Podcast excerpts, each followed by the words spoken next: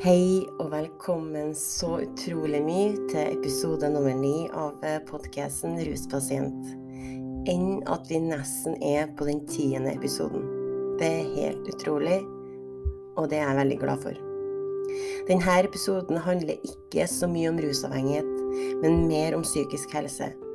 Rusavhengighet starter alltid med noe som har skjedd med den psykiske helsa. De sier at rus og psykiatri går hånd i hånd og det er en sannhet. Fagfolk som ikke ser det på den måten, må virkelig dykke litt dypere i sin egen kunnskap. Så denne gangen har jeg fått besøk av erfaringskonsulent Elisabeth. Elisabeth er 31 år, og hun ble ferdigutdanna erfaringskonsulent i år fra KBT sin fagskole, som gir utdanninga til erfaringskonsulenter.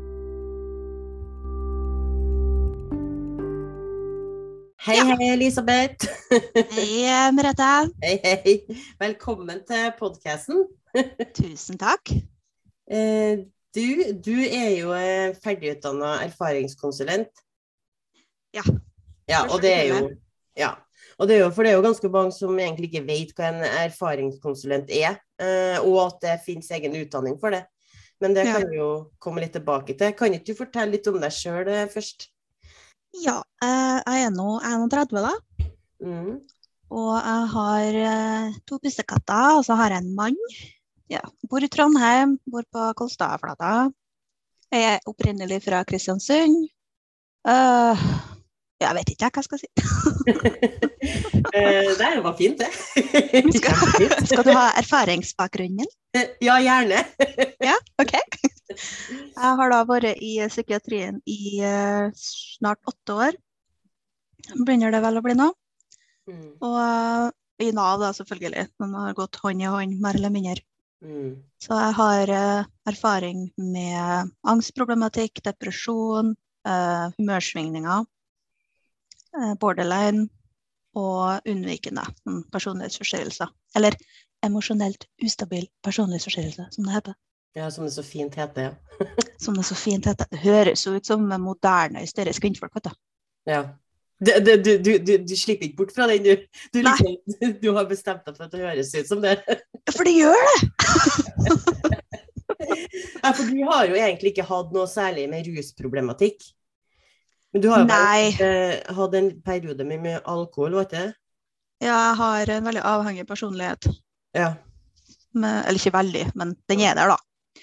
Eh, så jeg sleit litt med, med, alkohol i en to, periode, to års tid ca. Mm. Um, der jeg rett og slett bare prøvde å trikke vekk alt det vonde. Og det var jo før jeg søkte hjelp, så jeg visste liksom ikke helt hvordan jeg skulle håndtere det. Mm. Så da ble det alkohol. Ja. Mm. Men eh, åtte år i psykiatrien, ja? Ja. Det har sikkert vært åtte lange år? Veldig lange år. Ja, for jeg og du har jo snakka mye om uh, dårlige behandlere, blant annet. Mm. Hvordan har veien din vært der fra du Og så husker du når du starta, når du først kom inn i psykiatrien, og så hvordan ble du møtt, og hva er det du husker, liksom? Den uh, Jeg husker jo egentlig alt jævlig godt. Det er noen ganger jeg skulle ønske at jeg hadde mye dårligere langtidshukommelse. Ja. Men uh, den første dama jeg møtte på, på Østmarka DPS, hun var veldig, veldig hyggelig. Um, hun føltes ut som et veldig greit menneske å jobbe med, men hun skulle jo selvfølgelig slutte kort tid etter at jeg kom inn. Ja, selvfølgelig. Selvfølgelig. Uh, eller hun skulle overføres til en annen avdeling.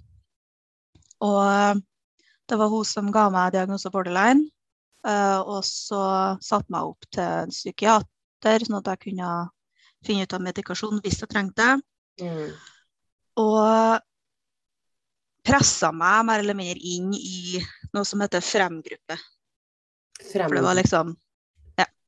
For jeg var livredd når jeg kom inn dit. Jeg var, hadde ekstrem angst. Og um, gruppeterapi var liksom ikke noe jeg hadde spesielt lyst til. Og det var det, den, eh, det var det det fremgreien var, eller det var gruppeterapi? Ja. ja. Det var gruppeterapi. Mm. sånn at uh, for hun sa det at ja, jeg anbefaler nå at du blir med i den gruppa her, da, for det er med folk med samme type symptomer som du har. Mm. Og Jeg tror det på en måte kan hjelpe deg. Men du må ikke. Men du burde. Men du må ikke. Men du burde. Så jeg ble litt sånn Ja, OK, så jeg har ikke noe valg, da, med andre ord. Du har et valg, men du burde. ledende, ledende spørsmål. Veldig ledende. Veldig sånn Jo, du skal jo gjerne tro at du har et valg, men du har egentlig ikke det. Nei. Men, men eh, fikk du til å jobbe imens, eller hvordan var det med økonomien og sånn? For at vi blir jo altså, Det virker som om Stortinget ikke forstår at folk blir faktisk sykere å ikke ha penger oppi alt det her, da. Ja, ja det er rart med det. Nei, eh, når jeg først søkte hjelp, så jobba jeg som telefonintervjuer på en plass som heter Norfakta, Som Mm. ringer rundt med spørreundersøkelser. Og der hadde jeg jobba da i tre år. Og det var jo en av grunnene til at jeg gikk på veggen.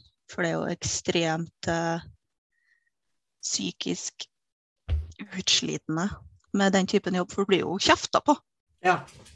Tror jeg fikk eh, tre drapstrusler på de tre årene. Å, herregud. Ja, gjennom telefonen, liksom. Ja, Ja. gjennom telefonen, ja. Og um, så samtidig så søkte jeg om arbeidsavklaringspenger. Mm. Eh, men søknaden min ble først avvist fordi at de mente at jeg fint klarte å jobbe fordi at jeg hadde jobba to uker i butikken til mor mi på en liten filleplass med nesten ikke noen kunder. Så de mente at jo, ja, du klarer fint å jobbe, du, for i sommer her så jobba du jo to hele uka. Ja. OK. Eh, Så mamma sendte faktisk brev til dem og bare 'unnskyld meg'. Ja. Det var vurderinga deres, liksom. Ja, det var det legen til Nav hadde vurdert. Ja. Mm -mm. Han dreit i hva fastlegen min sa, det var ikke noe viktig, det. Det var legen deres som hadde presedens. ja, det er merkelig, det der. Det er helt på trynet. Nav har egne leger. Ja. Men er de egentlig leger? For jeg har aldri møtt en sånn Nav-lege. De er leger, men de eh, er ikke sånn type leger som møter noen av brukerne, nei. Nei, for jeg De sitter bare og vurderer papirarbeid, basically. Ja, men er de leger. For jeg tenker det må være de dårligste legene på jord. ja. Enig. De er sudoleger, jeg vet da faen. jeg. Ja, hvordan gikk det videre med, med deg og Nav og den historien der, da? Nei, når eh, mamma sendte inn brev, så ble de litt sånn ah, oh, ah, OK, da. Greit. For hun forklarte liksom situasjonen. Så da ble den eh, godkjent. Og når jeg da da fant over ut eh, 18? Du var Ja, ja. Ja, ja. Det, Ja. Altså, det er bare åtte år siden. Ja, men enn at mødre må liksom steppe opp enda i etterkant, for det har jo mora mi òg måttet ha gjort. Ja. Og sendt Eh. tatt telefonen og bare «Eh, 'Unnskyld meg, hør her', liksom. Det er helt sykt. Ja. Men det, det er jo litt sånn, da, når du, du er bare et papirarbeid. Ja. Det er alt. Mm. Sånn at du, du, du får ikke møtt legene og vise hvem du er, hvordan er det du sliter, hvordan er det du håndterer det. Mm. For det er ikke sånn at du sender inn eh, en liten novelle du har skrevet da, om eh, hva, hva er greia di. Mm. De, får ikke, de blir ikke kjent med deg personlig, de vet ikke hva greia er. Nei. De bare leser det som, eh, det som står i journalen din. Mm. Men da bodde du hjemme i kommunen din ennå, når du Nei. Nei. Nei, det var etter at jeg flytta til Trondheim. ja. Ja, OK, så det var Nav Mm. i Trondheim som gjorde seg vanskelig igjen. Ja, det er jo egentlig ganske vanlig, da. Ja. Men du eh, jeg fikk noe av det. Ja. Etter mora di Ja, Etter mamma steppa inn. Ja. Ja. Hvordan gikk det videre derfra? Nei, altså, når jeg gikk inn i det med AP, så var jo tanken min at jeg skulle jobbe så mye jeg kunne. Mm. Eh, men når jeg fant ut det at jeg fikk mer penger av å ikke jobbe, Mm. så droppa jeg det jo bare helt. Mm. Og det var jo egentlig bare positivt sånn sett, for jeg hadde jo ikke noe bra. Og det gikk jo utover arbeidet mitt. um, men ja, så da ble det psykolog fremover, og i den framgruppa med en psykiater som leda, da, som eh, av en eller annen grunn ikke var så veldig stor fan av meg. Nei. Nei. Så når vi hadde fullført fremgruppa, da, for jeg var litt sånn Det fortalte jeg tidligere òg, det der med oppgavene. For, for oppgaver du skal gjøre hjem. Ja. Og jeg var jo veldig, veldig interessert i alt det der rundt borderline, og alt det å lære meg verktøyene jeg trengte for å klare å, å, å leve med det. Mm. Um, så jeg gjorde jo både den uh, ukas oppgave og neste ukes oppgave, fordi at det var veldig kort, og jeg syntes det var for lite. Mm. Jeg var bare veldig engasjert. Ja. Og når jeg da var så dum at jeg sa det i gruppa, at uh, å ja, jeg hadde gjort det for neste uke så begynte hun hele tida single meg ut hver eneste gang om at jeg skulle stå frem og lese. Og det gjorde jeg på første par ganger, men det var til et punkt der jeg begynte å si nei litt her og der. Fordi at noe av det jeg hadde skrevet, var for personlig. Ja. Og jeg ikke hadde så veldig lyst til at andre skulle lese det, eller høre om det. Mm. Og uh, hun sa ikke så mye på det mens jeg gikk kurset, men etter at kurset var over, og det var snakk om at vi skulle gå over til Frem 2, Mm. Som da var litt mer sånn målretta arbeid med ja, de problemområdene vi sjøl ville jobbe mer med, da. Mm. Så fikk jeg beskjed om at uh, jeg var vanskelig og var ikke klar for Frem to. Fordi at jeg ikke ville samarbeide fordi at jeg hadde sagt nei her og der til å lese høyt. At jeg ikke var engasjert. Det er jo helt utrolig. Ja. Jeg får jo et helt annet bilde av deg oppi det her. Men hvordan kan du si, når du jobber som psykolog med en gruppe som sliter utrolig mye med, i livet sitt, at du er vanskelig? Altså 90 vet av dagene dine er jo dritt, da. Ikke sant? Mhm. Eh, OK, ja, hun der, der, hun skal hatt sparken. Ja, ikke sant? ene og alene på grunn av at hun gjør akkurat sånn som det der. For det der er det verste jeg hører. Mm. De kan jo På den tida så På den tida så var jeg jo veldig Jeg hadde ikke ordene til å forklare ting. Jeg hadde ikke jeg, bare, jeg visste ikke hva jeg skulle si, jeg visste ikke nøyaktig hva som var galt. Det var mer som en følelse, og noe som Mm. ikke stemmer. Mm. Jeg klarte ikke å sette ord på det. Nei. Og når jeg blir ukomfortabel, så blir jeg som regel bare stille. Ja, samme her. Mhm. Og da kan du tenke deg, da, hun da som uh, har sikkert et A4-liv, vært skoleflink, kanskje ikke hadde så veldig mye utfordringer i livet. Eh, hun, hun stiller seg ved siden av deg og krever det samme. Og hvis du ikke klarer det samme, så dømmer hun deg ut ifra det. Er det sånn man Mhm. skal gjøre i psykiatrien? Enda en god grunn til at man trenger erfaringskonsulenter, sier nå bare jeg. Ja, jeg er så enig. For jeg, merker, jeg har jo merka det sjøl òg. Den ene psykologen jeg fikk, som hadde Ja. egen erfaring, Ja. jeg merka forskjellen. Ja. Men uh, da var det jo andre ting som ødela sånn sett, da, fordi at uh, psykiske helsesektoren i Norge, den er jo så fette dårlig Mm. på veldig mange områder, i hvert fall den offentlige. Mm. For det er ikke laga for at du skal få hjelp over tid. Du skal helst bli frisk så fort som Mm. Og hvis du ikke har blitt frisk etter så og så mange uker, da Mm. blir du kasta ut i hermetegn for å få en pause. Og så havnet du bakerst i køa igjen, ja? Ja. ja. Men hva det gjorde med deg da når eh, hun sa at du ikke var klar for uh, fremgruppe to? Nei, altså Den dagen der, eller den timen der, den var så ubehagelig. For, for det første så hadde hun et veldig trangt kontor.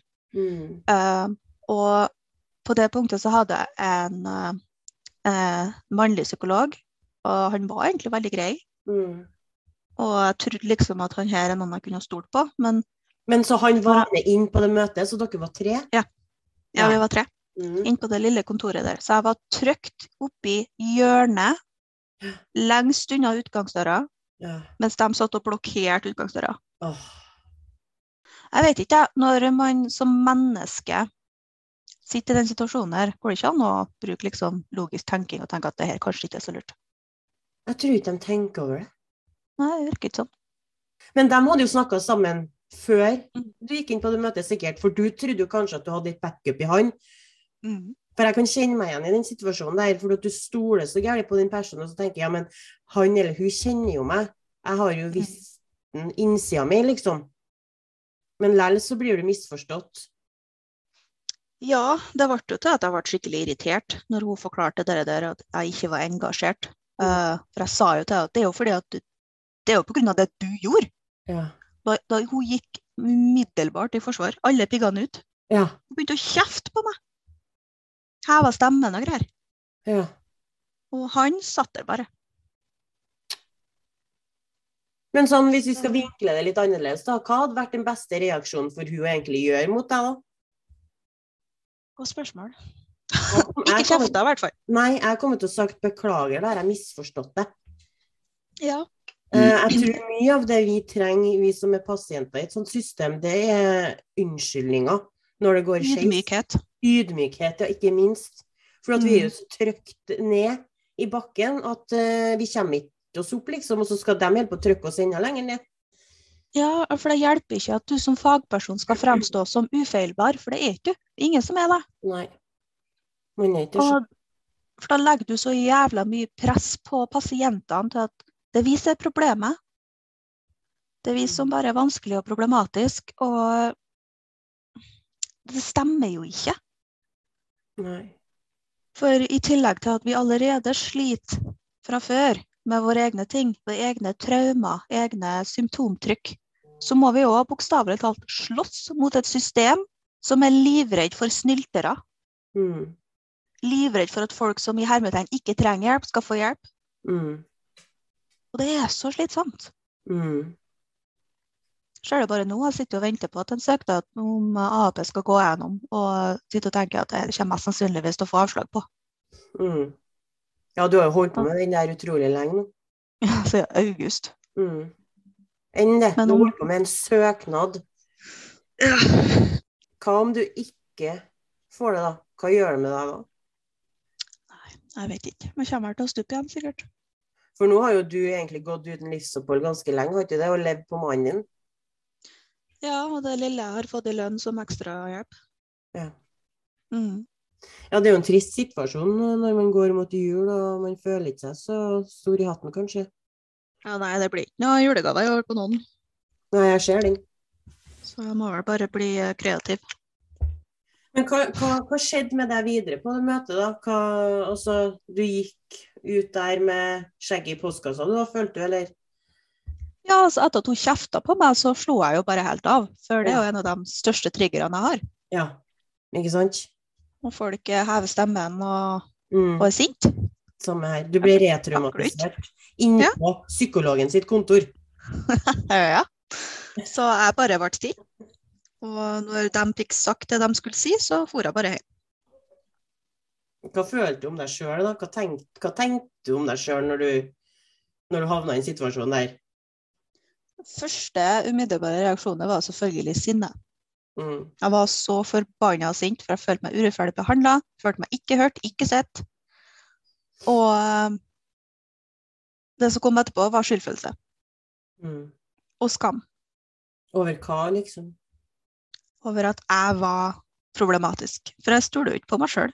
Mm, Jeg tror jo det at jeg ikke er verdt noe. At jeg ikke At jeg ikke fortjener noe bra. Og jeg trodde nå i hvert fall det da. Da blir det bedre. Men på det punktet så var det liksom Jeg er virkelig slammen i bunnen av eh, en innsjø, liksom. Eller kloakken, ja. Stagnert vann. Ja. Ja. Så når jeg kom hjem, så Jeg gikk jo gjennom absolutt alt det der, over veldig kort tid. Så når jeg satt på bussen, så satt jeg og hyperventilerte. Mm, Eh, og det var jo veldig kjekt at akkurat da så skulle en person komme og sette seg ved siden av meg. mm. Mm. Jeg har sittet og skrekket på bussen før, jeg òg. Det er mm, fælt. Ja. Det altså, man blir så flau over seg sjøl. Ja, jeg liker generelt ikke å grine foran andre heller, så. Nei, ikke heller. Nei, jeg husker ikke hvor jeg lærte hen. Men det var en fagperson, en god fagperson som sa til meg en gang at skal du jobbe med et menneske eh, som er innpå kontoret ditt, eller hvor dere nå enn er, men i hvert fall aldri la det mennesket gå ut av rommet og føle seg nedfor. Men eh, jeg kan jo si at sju av ti ganger så har jo jeg gått ut av et kontor og hatt selvmordstanker. Ja. Samme her. For det er, det er så mange ganger der man sitter psykologen, og du har Det er ikke alltid du kommer i gang med en gang. sant? Noen ganger så kommer alt det følelsesmessige kommer på slutten. Mm. og så sitter du der og griner og er helt i opprør Mm. og fullt kaos på innsida. Mm. Og så er de sånn Nei, nå er klokka der, nå må du dra. Mm. Ikke noe avsluttende, ikke noe hjelp til å lande. Ingenting. Mm. Bare ha deg ut. Mm. Neste. Ja. Og eh, det er jo ikke nødvendigvis psykologene sin feil sånn sett, fordi at eh, etter å ha snakka med ganske mange fagpersonell, så har jeg jo lært det at eh, det er for få psykologer og psykiatere på altfor mange pasienter. De fleste har mange flere enn de egentlig skal ha. Ja. Og så den dumme loven som Bent Høie eh, satte i gang om at det ikke skal være lov å skrive ut folk basert på for lite kapasitet. Men får de mer kapasitet? Nei. Det er jo helt høl i hodet. ja. Men jeg blir mest frustrert over at folk går seks til sju år på skole, og så gjør ikke de en bedre jobb enn det de gjør når de blir utdannet psykologer. Ja, men jeg syns heller ikke det er så rart, fordi at de har så ofte mange pasienter. De er utslitt av legen. Utbrent. Men, men syns ikke du det er litt rart at øh, når du skal jobbe med mennesker, så skal du være skoleflink? Altså du skal være så skoleflink at du holder ut i seks-sju år, da.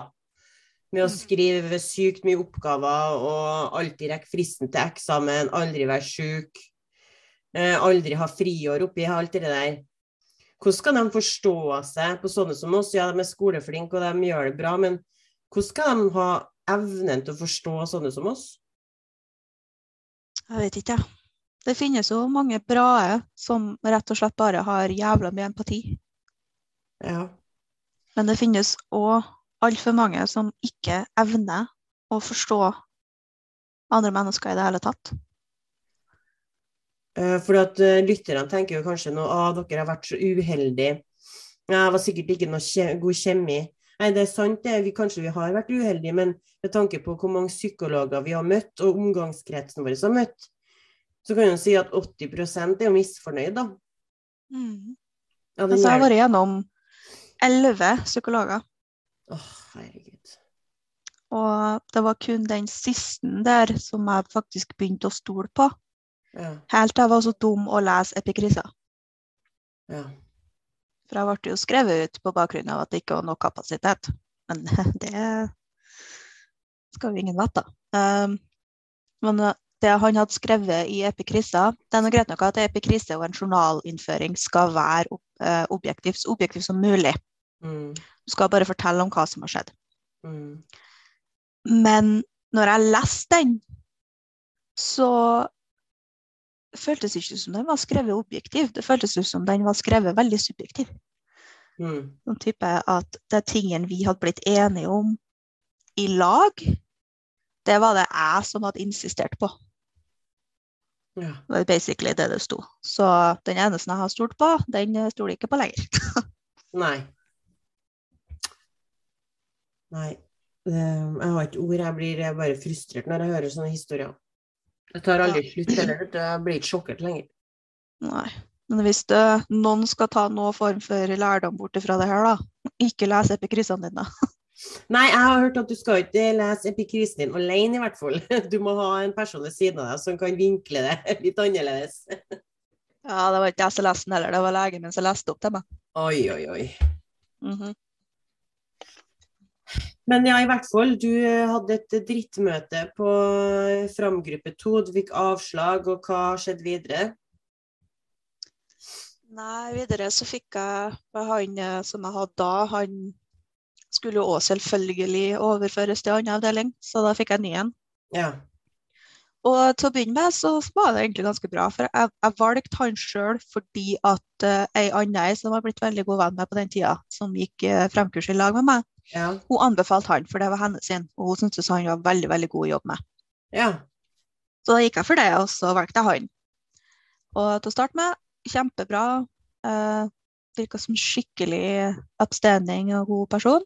ja. Eh, etter hvert derimot, så gikk det sakte, men sikkert over til at han bare ble sittende der med armene i kors og se på meg. ja. Som om han forventa at jeg skulle snakke meg sjøl frisk. Huh. Hvordan det var liksom- var det han der gikk etter, tru? Nei, vet da faen jeg. Men det var liksom, det var ingenting å få.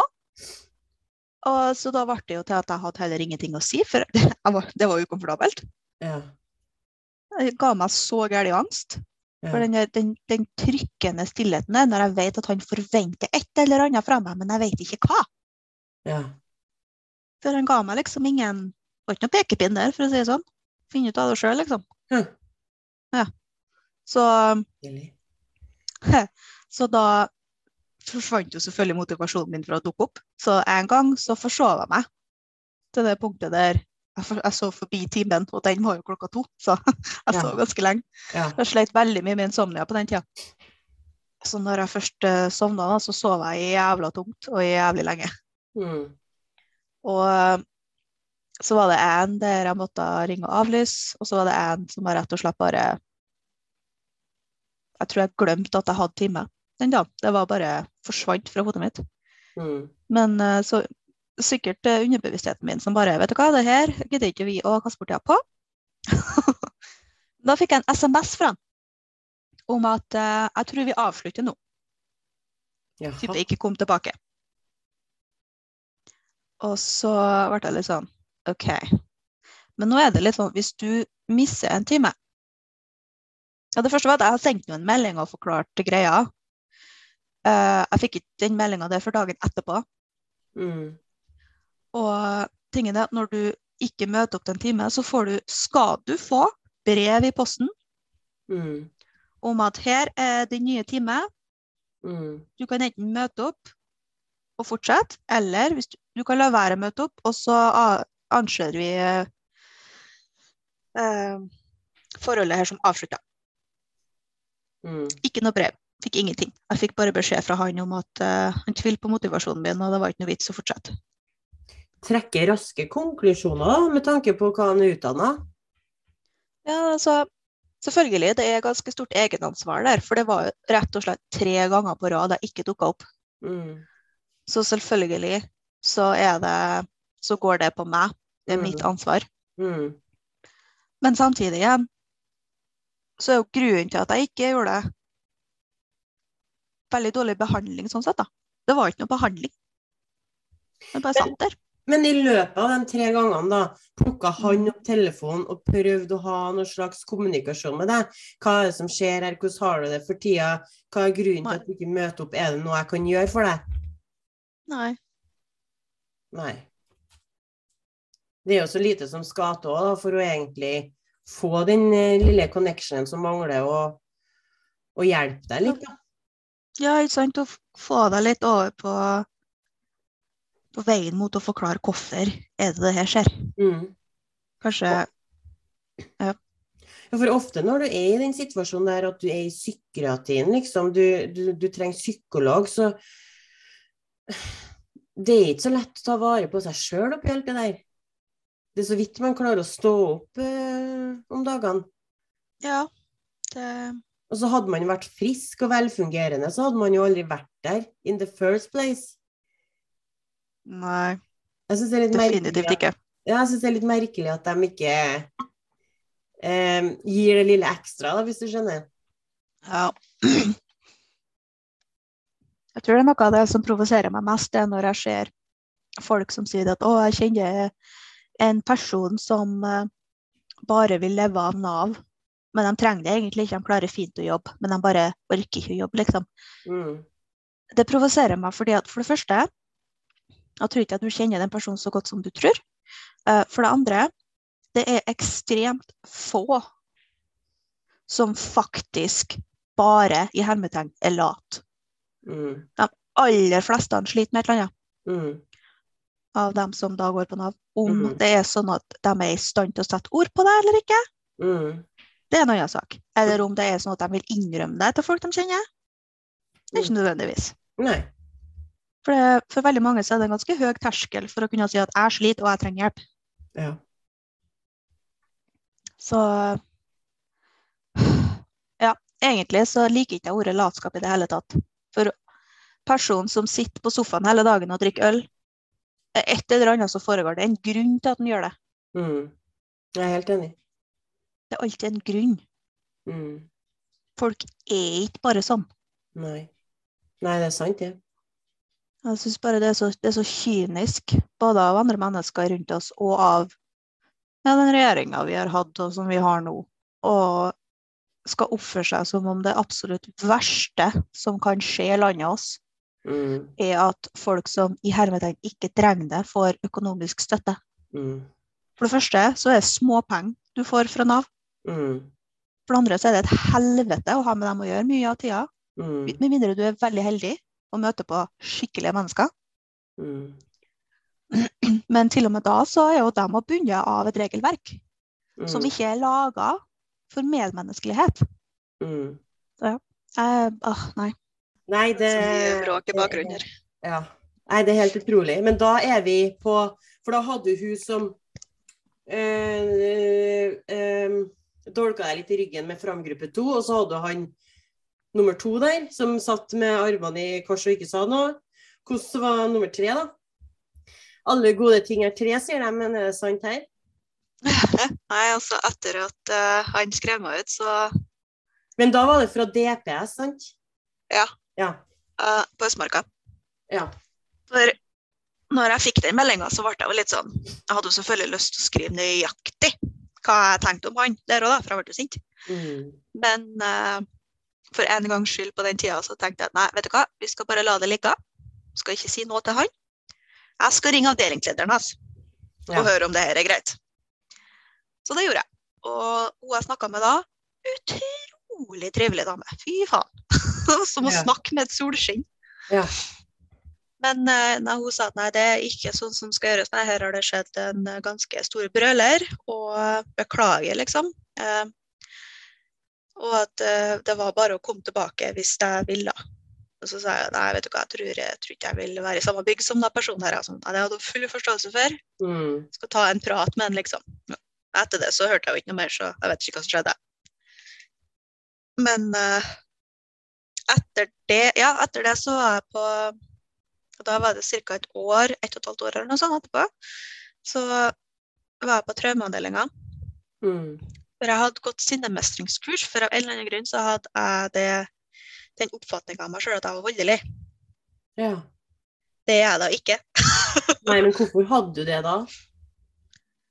Nei, det er en kombinasjon med at når jeg var yngre, eller sånn generelt, jeg har veldig eksplosiv kraft. Mm.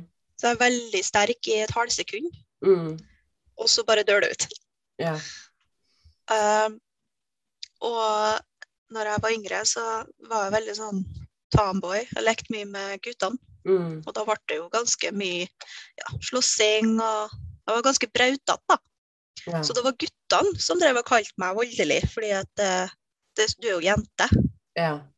Du skal ikke være så sterk, du skal ikke ta i så mye, sånn at jeg får vondt i fingeren min, liksom. Mm. Det, og så er det det faktum at jeg var så hektisk. Konstant stressa, konstant eh, engstelig og rastløs, og alt skulle gjøres så fort og så hardt at hvis du var så uheldig å stå for nær, Mm. så ja. Sant? Kunne det smelle? Ja. Så jeg gikk på det sinnemestringskurset, og jeg lærte veldig mye bra. Men det gjorde meg òg dårligere fordi at jeg internaliserer ting. Ja. Sinnet mitt går inn over meg sjøl. ja. Og det lærer du jo basically å ta det mer inn over deg sjøl, Mm. sånn at det ikke går utover andre. ja. Ja. Eh, så da internaliserte jeg jo enda mer. Og eh, det sinnemestringskurset her var i Det gikk før jul, noen måneder før jul. Så når jeg for hjem før jul, da Så var du så sint deg sjøl at du Ja, men jeg observerte mamma. Ja. Fordi at jeg sto og vaska opp etter julemiddag, Mm. og så kommer hun Hun stresser som faen etter julemiddager. Herregud, hun er så stressa. ja. Springer frem og tilbake. Alt skal vaskes opp før vi skal ha dessert. Alt skal være rent og fint. Og det var bare hun, da. Så jeg prøver å hjelpe til så mye jeg kan. Mm. Og så står jeg og vasker opp, så kommer hun plutselig og trær et forkle nedover hodet på meg så fort og så hardt at hun drar til meg i trynet. Å, herlighet. Og det var selvfølgelig ikke meninga, det. Nei. Men hun bare så jævla hektisk. Mm. Så ser jeg. Å ja. Faen. Det er der jeg har det fra. Mm. Jeg er ikke voldelig, jeg er hektisk. Jeg sto jo bare som den uh, lyspæra. Aha! Din feil! Når jeg kom tilbake til sinnemestringskurset, da, så delte jeg jo uh, aha-opplevelsen min med resten. ja. ja. Og jeg bare Nei, jeg er ikke voldelig, jeg. For jeg ble jo selvfølgelig glad for at jeg fant det ut. Ja. Men jeg tenker kanskje at den gleden kunne ha vært spart til en annen setting. uh, ja. Kanskje. For de andre var jo det. Uh, så ja. Uh, mens jeg gikk på sidemesterkurset, da, så fikk jeg jo litt mer informasjon om traumebehandling. Ja. Og at det mest sannsynligvis hadde vært bra. Så da begynte jeg på traumebehandling. ja. Men den eneste teknikken hun kunne og ville bruke, var provosering. Og det heter jo ikke det, men det var jo det hun gjorde. Prøve å provosere fram en reaksjon i meg. For jeg klarer liksom ikke Jeg sliter mye med splitting. Kan ikke ha to motsigende følelser inni deg samtidig. ja. Um, sånn at jeg skulle liksom øve meg på å være sint på henne og si ifra. Bare bli sint. Ja. Men jeg fikk det ikke til, for jeg stolte ikke på henne. Og det var jo mye på grunn av det der at hun hele tida prøvde å trigge sinnet mitt. ja. Og min, jeg er jo like redd for mitt eget sinne som jeg er for andre, andre sitt. Så automatisk så slo det seg jo bare helt av inni meg. For en rar måte å jobbe på. Det er ganske vanlig innenfor traumeterapi. Mm. Uh, men når jeg da sa til henne at dette funker ikke for meg, så fikk jeg beskjed om at nei, ok, men da får du finne noen andre. For denne metoden har fungert på alle pasientene mine tidligere. Ja, okay, da så bør det fungere på putter- Ja, vi putter dere i samme boks. hun- Hun gjorde det. Og det var en av de første gangene jeg begynte å tenke liksom på uføre òg. Bare for å ha stabilitet, få lov til å ta ting litt i mitt eget tempo. For jeg ville veldig gjerne jobbe, men jeg fikk ikke det. Nei, men så Du For- hører jo overalt at du ikke duger. da. De siste tre sykdommene vi har vært gjennom nå, har jo bare egentlig dratt deg ned. da. Ja, ikke sant? For det var bare eh, Nei. Men uansett, da. At jeg tok det jo opp nå. Og det er jo mer som jeg bare jeg lufta en tanke jeg hadde hatt om det med ufør.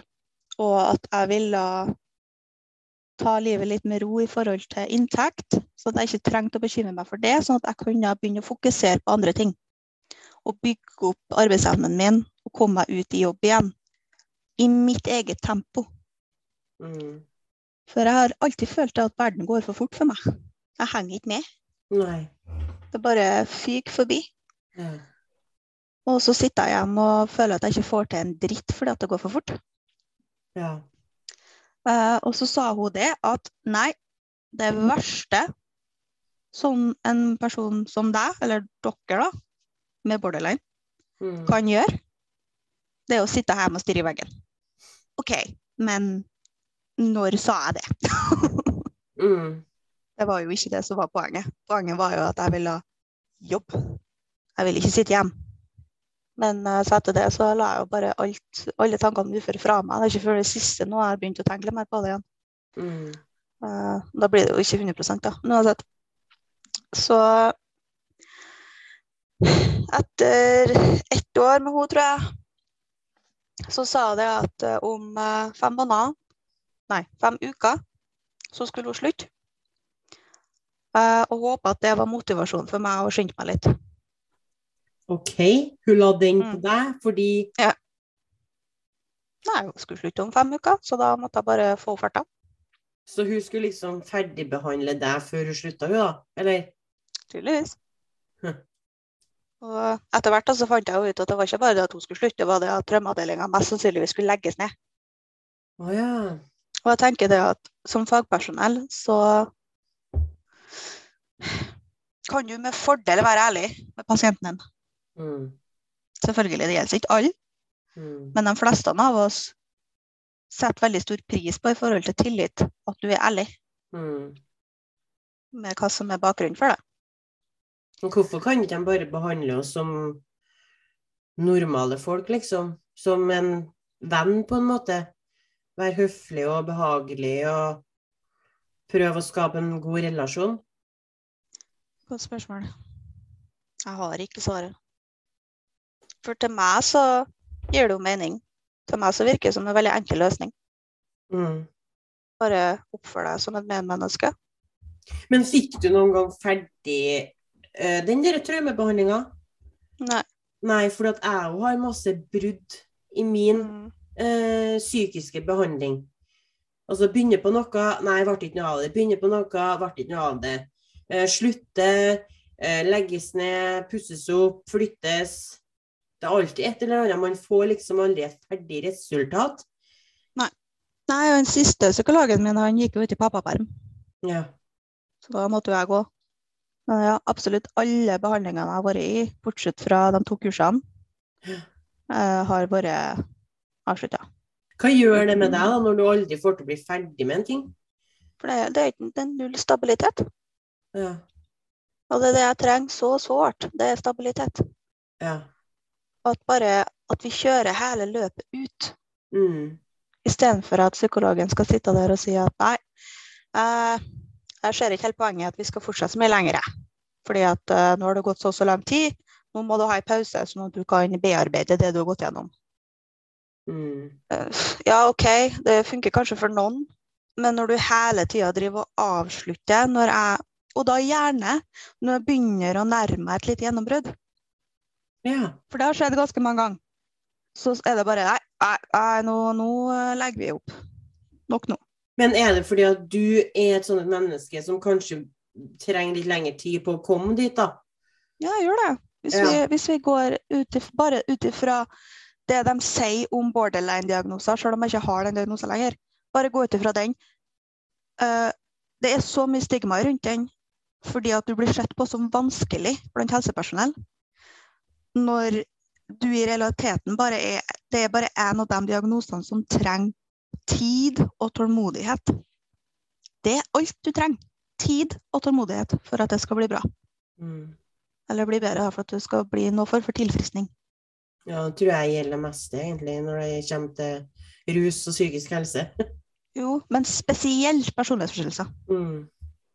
Og er det noe vi ikke får i det offentlige systemet, så er det tid. Mm. Ja, alt skal jo være en sånn quick fix.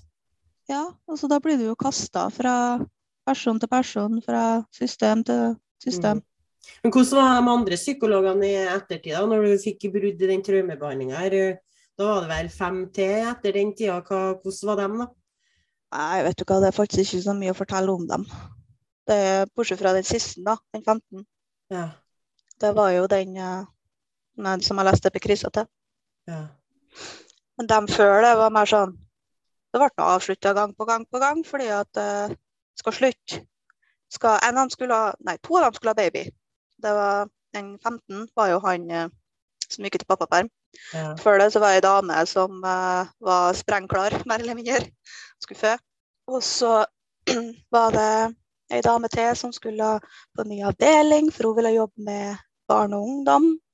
Så Men jeg syns det er litt merkelig at når du vet at du skal ut i permisjon, hvorfor, hvorfor blir du altså Kanskje du ikke sier ja, da, men hvorfor blir du trykt på nye pasienter, liksom?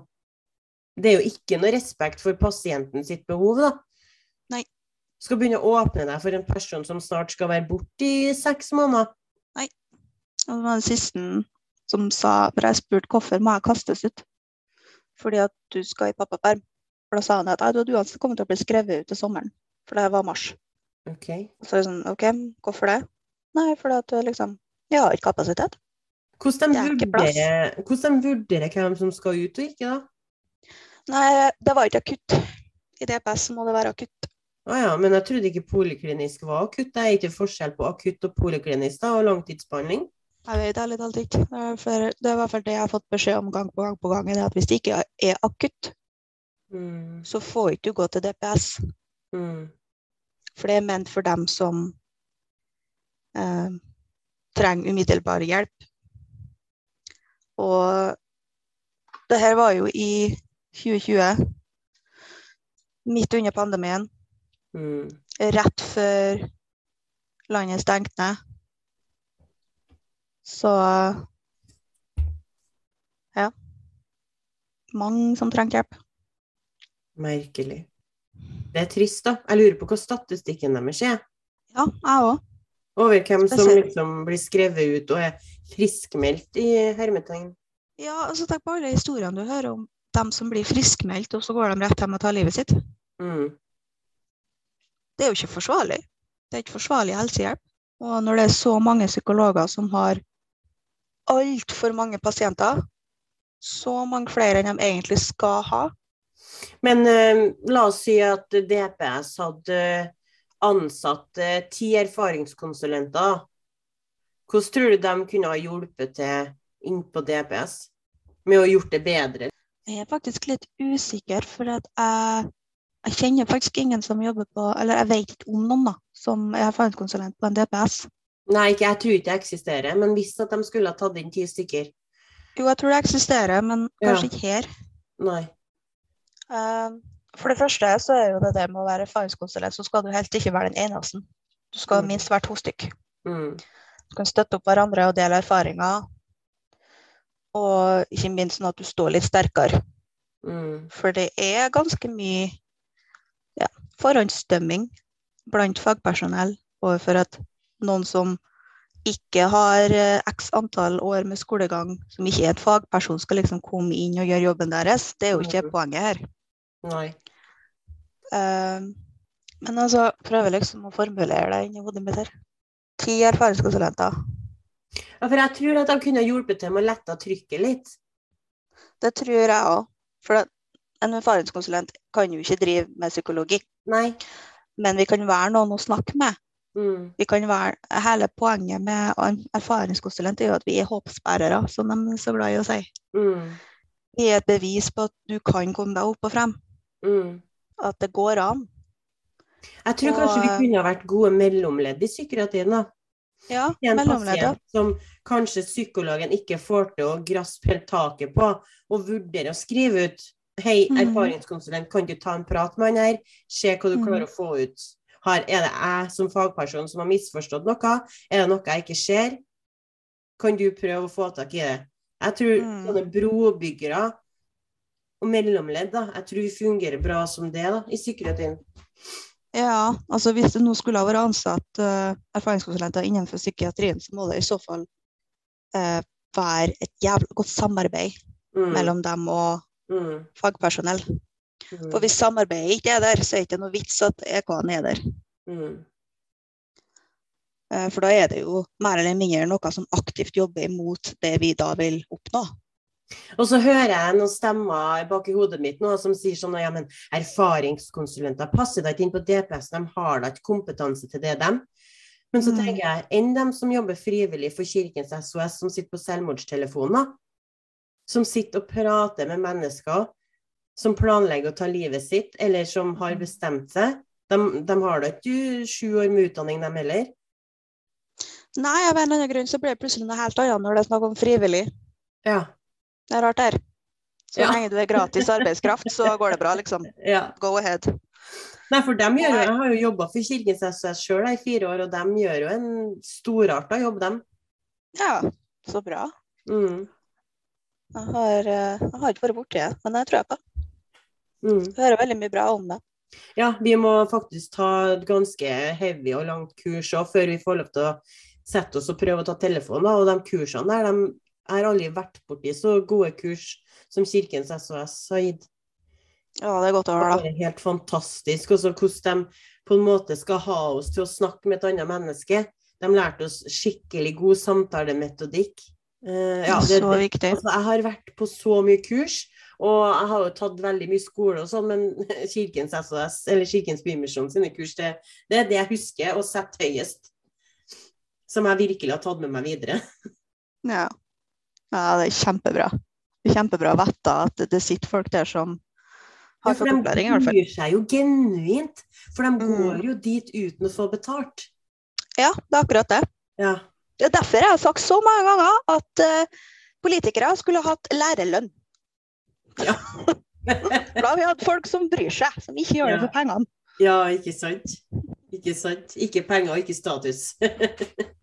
ja, Ikke minst. Men du ble jo, um, du ble jo ferdigutdanna erfaringskonsulent eh, i- Var det i fjor? Nei, det var i år. Det var i år, ja. Mm. Det gikk bare et år, vet du. Og hvordan, for det første, hvordan fant du ut at det eksisterte en sk- erfaringskonsulentskole? Eh, da må vi litt lenger tilbake. Mm. For jeg fant ut at hva en erfaringskonsulent var, ved at jeg gikk på et treffsted. Og en av dem som jobba på det treffstedet, jeg heter Maja, Mm. hun eh, slutta der for å begynne som erfaringskonsulent på Glimt. Ja. Mhm. Og det var hun som fortalte meg hva en erfaringskonsulent var. Og når hun sa det der, så begynte jeg å lese litt mer om det og bare tenkte at herregud, går det an å jobbe som noe kun basert på det jeg har sletta med? ja, for sånn fort, da, for dem som ikke vet det, hva er en erfaringskonsulent? En erfaringskonsulent er noen som har egen erfaring innenfor enten rus eller psykiatri. Mm. Og det kan være f.eks. Ja, gjerne sånt med Nav eller barnevernet, eh, DPS-er, EFO og alt mulig rart. Ja. Så lenge du har, du vet, eller du har gått gjennom mm, lignende ting som de menneskene du skal hjelpe, går gjennom. Mm. Mm. Basically, kort fortalt. Mm. Og vi jobber da recovery-orientert, type at alle kan bli friske. Mm. Eller alle kan i hvert fall lære å leve med det de har, og ha en god livskvalitet. Mm. Uansett hva man sliter med. Mm. Eh, hva jeg sa? Jo. Eh, så jeg begynte jo på en måte å tenke litt mer over det der, da. Og bare alt, alt driten jeg har vært gjennom, kan jeg bruke det til noe positivt? Ja. Og tjene penger på det? What? så eh, på den tida så var jeg i eh, KVP-programmet, som er kvalifiseringsprogrammet gjennom Nav. Ja. Og da tok jeg jo opp eh, det med hun eh, veilederen jeg hadde, da. At det der er noe jeg vil søke på, for dette hadde de lagt ut jobbutlysning på, på Glimt. Ja. Og hun ble litt sånn ja, ja, OK. For det var 100 %-stillinger da, som jeg søkte på. Ja, ja. Så jeg skulle liksom gå fra ingenting til 100, jeg, vet du. Ja da. Jeg var jo så ivrig og så Ja, ja, engasjert. ikke sant. Ja, ja, ja. Så jeg bare kasta all, all caution to the wind og hoppa på den. Og fikk jo selvfølgelig ikke jobben. For jeg har jo ingen erfaring med den typen jobb. Nei. Jobb med mennesker og sånn. Ingenting. Um, og så, ja, så kom det avslaget. For han var jo høflig nok til å sende meg en mail, da. Ja. Og så sa hun, veilederen min sånn forsiktig Ja, men eh, kanskje du skulle starte i praksis i stedet? Ja. Kanskje, kanskje det er en fin plass å starte? Ja. Jeg bare sånn Ja, kanskje, kanskje når du sier det, så, så er det kanskje ikke så dumt å ta det litt med ro. Hun bare Nei, det er kanskje ikke det. så da ordna vi jo møte med Dagfinn, da. Eh, Sjefen for eh, KBT og Mm. eieren av Glimt. Mm. Og ja, møtet gikk jo fint, da. Og det ble ordna med praksis til meg fra januar, slutten av januar i fjor. Og så starta jeg med én dag praksis. Fire timer. Ja. Dag i uka. Ja. Og så satt jeg og tenkte på meg sjøl. Hm, én dag var tungt, det. Men 100 %-stilling skal jeg søke på, ja. Ja da. Litt sånn overvurdere egne evner. Mm. ja. Men ja. Og så var jeg jo i praksis der da før jeg begynte på fagskolen. Fagskolen fikk jeg høre gjennom eh, eh, Enten så var det Dagfinn, eller så var det hun eh, Tonje. Ja. Ja, enten så var sjefen eller en kollega. Mm. Jeg husker faktisk ikke. Men jeg er jo Jeg var jo i praksis der eh, under det selskapet som starta fagskole. Ja. Så selvfølgelig har jeg hørt om det. ja. Ikke sant. Ja. Og så tenkte jeg at det eh, skal jeg søke på. Jeg hater skole, jeg er skolelei. Jeg er ferdig med skole for resten av livet, men det her må jeg gjøre. Ja. For at etter at jeg hadde eh, vært i praksis der, da var det vel fem-seks måneder, så begynte jeg å kjenne veldig mye på det der, der at jeg har jo ikke noe faglig grunnlag. Jeg har jo ikke noe papir å stå på, skulle du si. Og bli støtta opp av. Og jeg tenkte at kanskje det her kan gi meg den lille ekstra tryggheten i meg sjøl. Mm. eh, For det jeg jobber med. For jeg stortrives jo i jobben. Jeg gjør det ennå. Og når jeg gikk på fagskolen, så fortsatte jeg jo praksisen der, da. Som en del av det.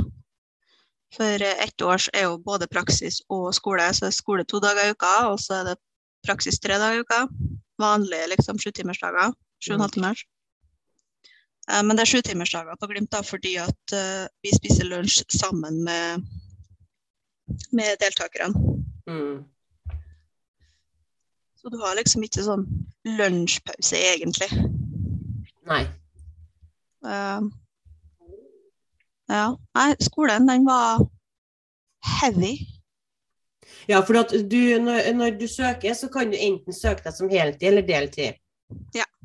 Og det er ett ett, eh, år som heltid eller to år som deltid. Og Ja, du er søkte på Jeg er deltid. Du er deltid, ja, Og du søkte på heltid.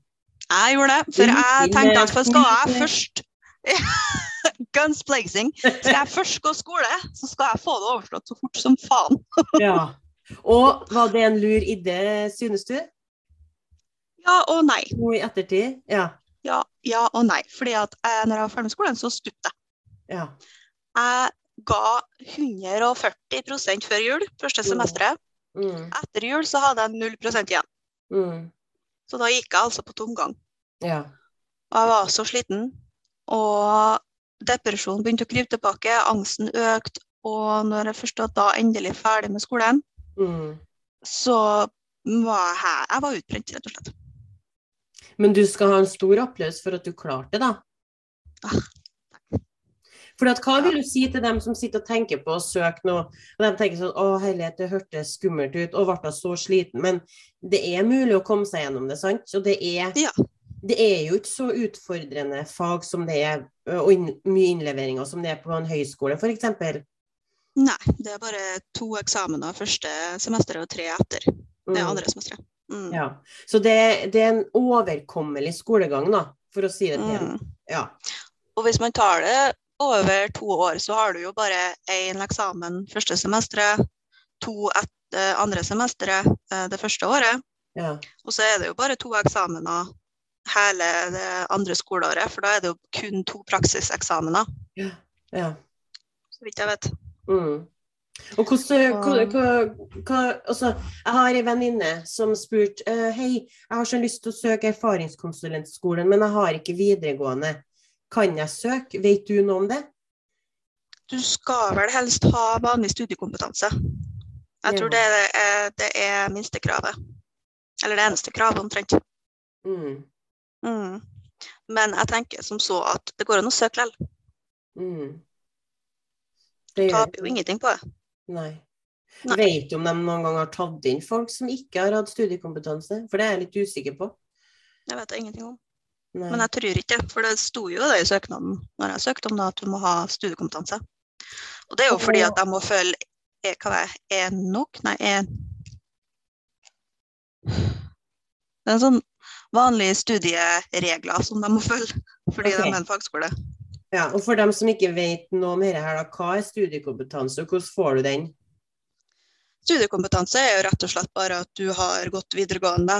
At du har eh, de vanlige fagene på videregående, sånn matte, engelsk, norsk, naturfag, samfunnsfag. Mm. Og at du har eh, Jeg tror ikke det er noe sånn karaktergrense på det, tror ikke jeg. Eh, men du bør helst ha OK karakterer. Jeg tenker at du kommer fint inn med treere i alle fag, liksom. Mm. At man har stått, i hvert fall. Ja, at du har stått, rett og slett. Og så kan man jo uh, opplæring òg, hvis man mangler det her, da.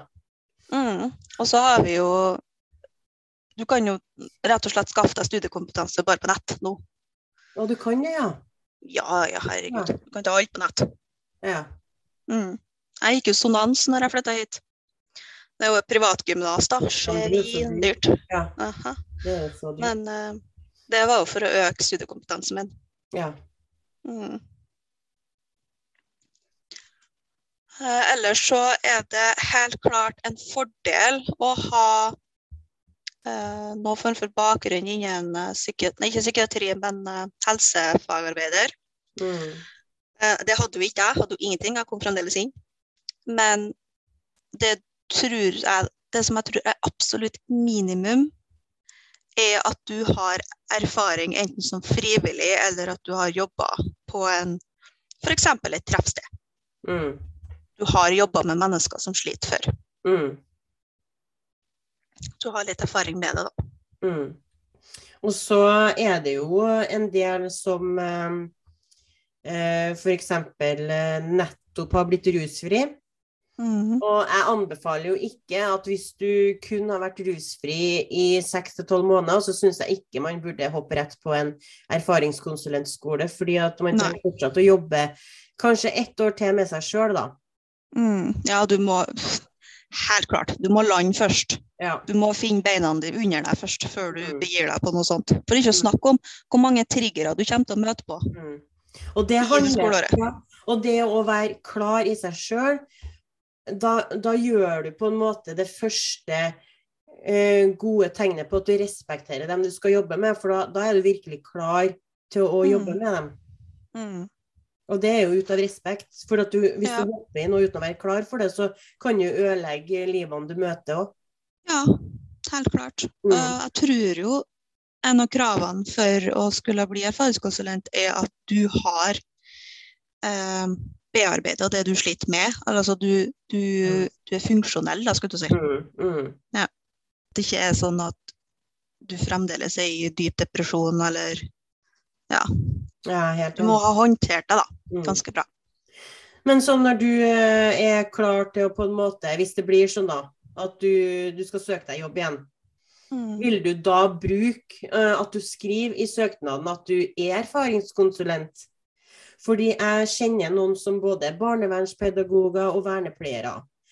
Um, og sosionomer. Ja, jeg kjenner litt over hele fjøla.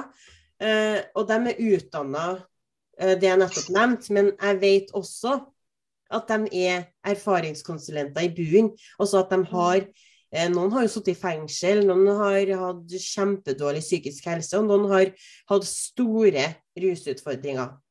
Men de vil ikke vise som erfaringskonsulent. Okay. De vil bare si at nei, men jeg, jeg er bare barnevernspedagog, jeg. Mm. Jeg syns det er så viktig at folk liksom kanskje skriver barnevernspedagog slash erfaringskonsulent. Jeg vet ikke.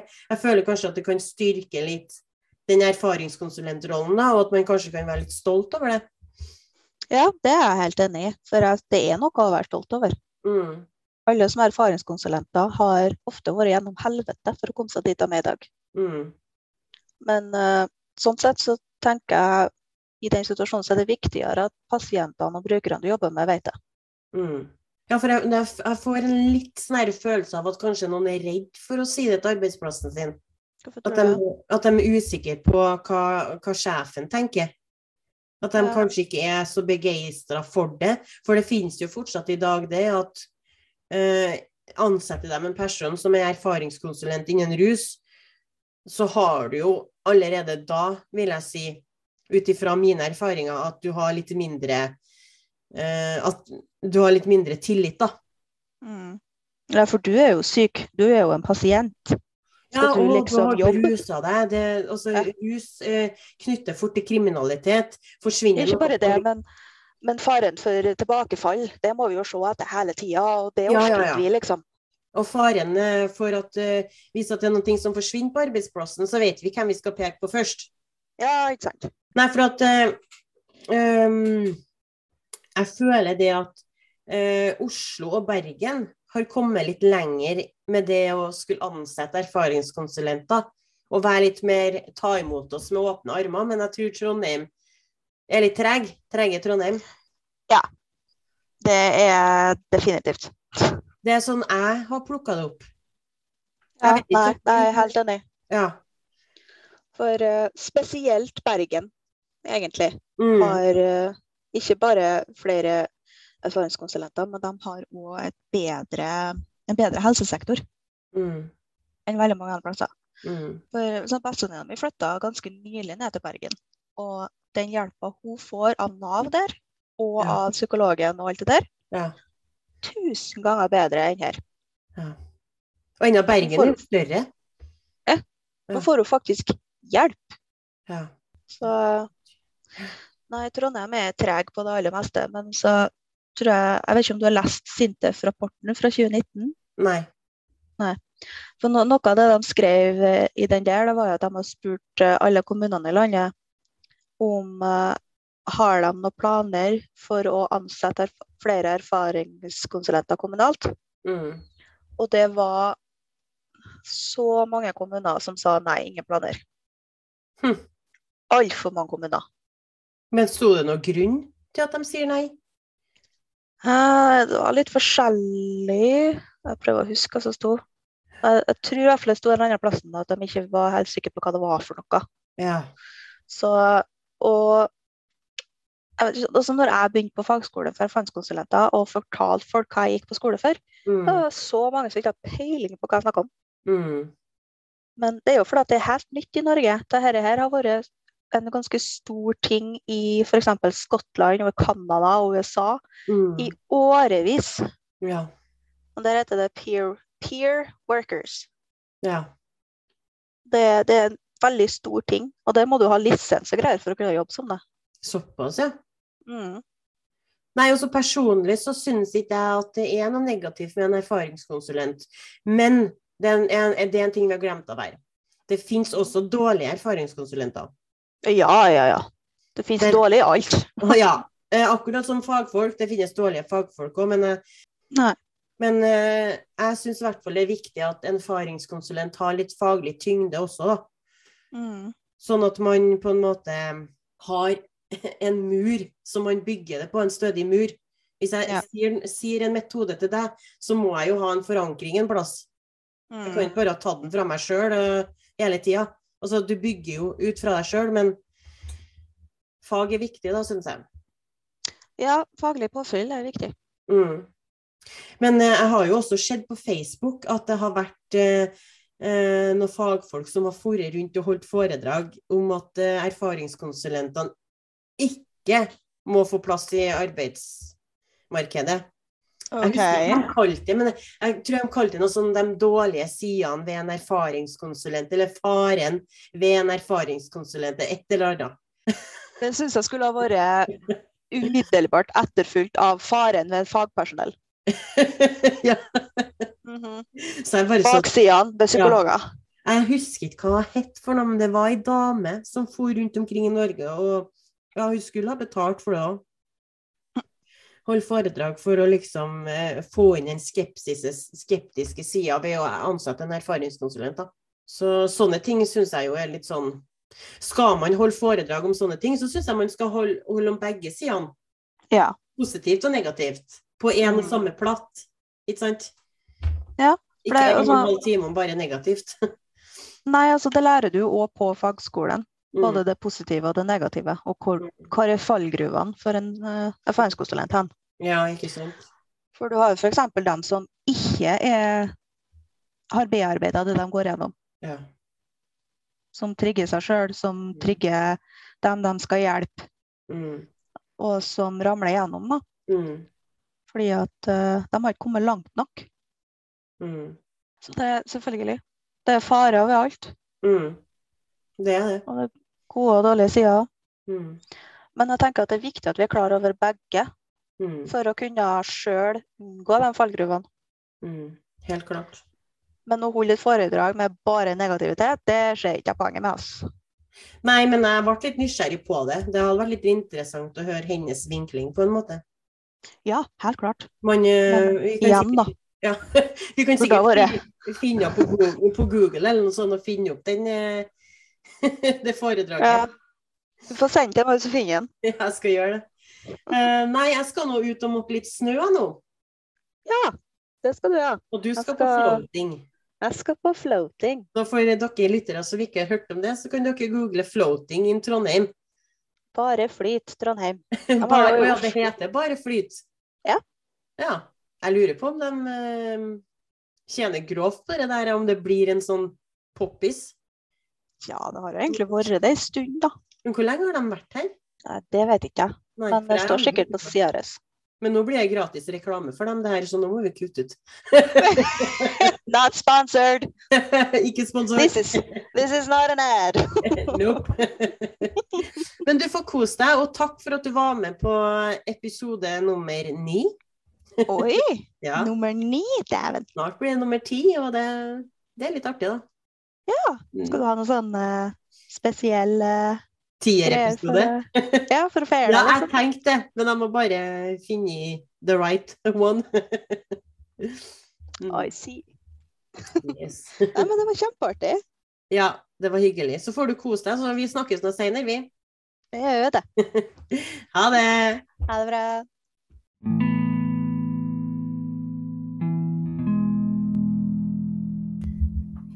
Tusen takk for at du hørte på episode nummer ni. Neste episode er jo en litt spesiell episode fordi det er episode nummer ti. Um, jeg vet enda ikke helt 100% sikkert hvem som blir gjest da. Um, men jeg skal nok prøve å finne noen som har en veldig interessant og spennende historie. Så da høres vi igjen om to uker. Uh, og jeg håper du har en god førjulstid. Om du sliter litt i jula, så håper jeg virkelig at du sender meg melding på ruspasientsida mi på Instagram. Hei så lenge.